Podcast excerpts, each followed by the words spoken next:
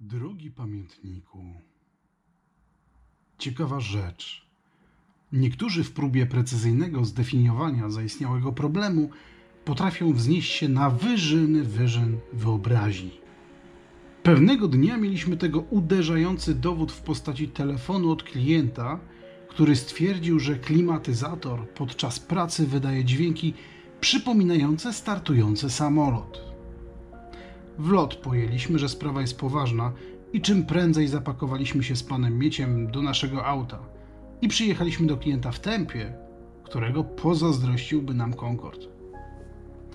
Pan Mieciu niestety nie zdążył wykonać tradycyjnego spaceru w rozpoznaniu terenu, ponieważ klient popchnął nas w miejsce, gdzie wisi jednostka. Naszym oczom wyłonił się metalowy kontener z wisienką na dachu w postaci stojącego agregatu, którego praca powodowała wibracje całego obiektu. Wibracje, które rzeczywiście przypominały startujący samolot. Pan Mieciu autorytarnie podjął decyzję, że jednostkę z dachu należy zdjąć i postawić na ziemi. Klient podrapał się w głowę i wywrócił oczami i zapytał czy nie ma innego, mniej inwazyjnego rozwiązania, czy to i tańszego. Zaproponowałem, że przecież można dać tę matę antywibracyjną pod jednostkę, którą kupiła nam szefowa. No, i mieliśmy ją wtedy podczas montażu zamontować. Pan Mieciu nie zdecydował się je- jednak wtedy zakładać. Co mi tam będzie, baba? Matę przy zgodnej współpracy obu montażystów można wsunąć pod nóżki agregatu.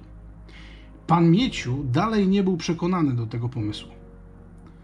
Młody, czy inteligencja przypadkiem cię nie męczy za bardzo?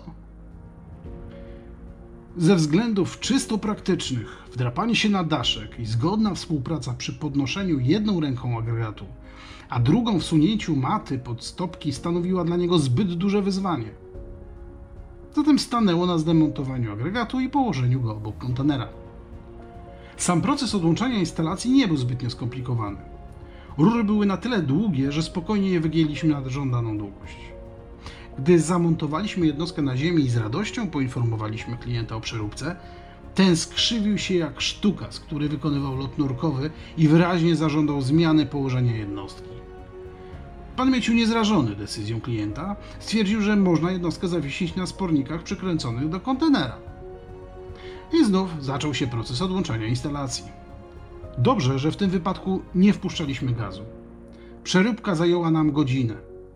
I może nie z radością, ale z jakąś taką dumą pokazaliśmy klientowi nową lokalizację agregatu.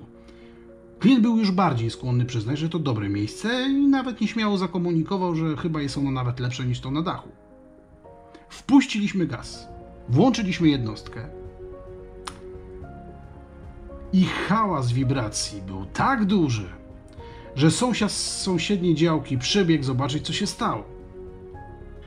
To nie był start samolotu, ale nowej misji bezzałogowego statku kosmicznego. Nie musieliśmy pytać klienta, czy może tak zostać. No ale co teraz? Młody, posłuchaj mnie no. A może postawimy jednostkę na dachu i podłożymy tę matę, co to ją w aucie mamy? Nie wiedzieliśmy, co z nią zrobić. Kiwnąłem inteligentnie głową i pomyślałem, że może i inteligencja męczy, ale niepotrzebna praca bardziej.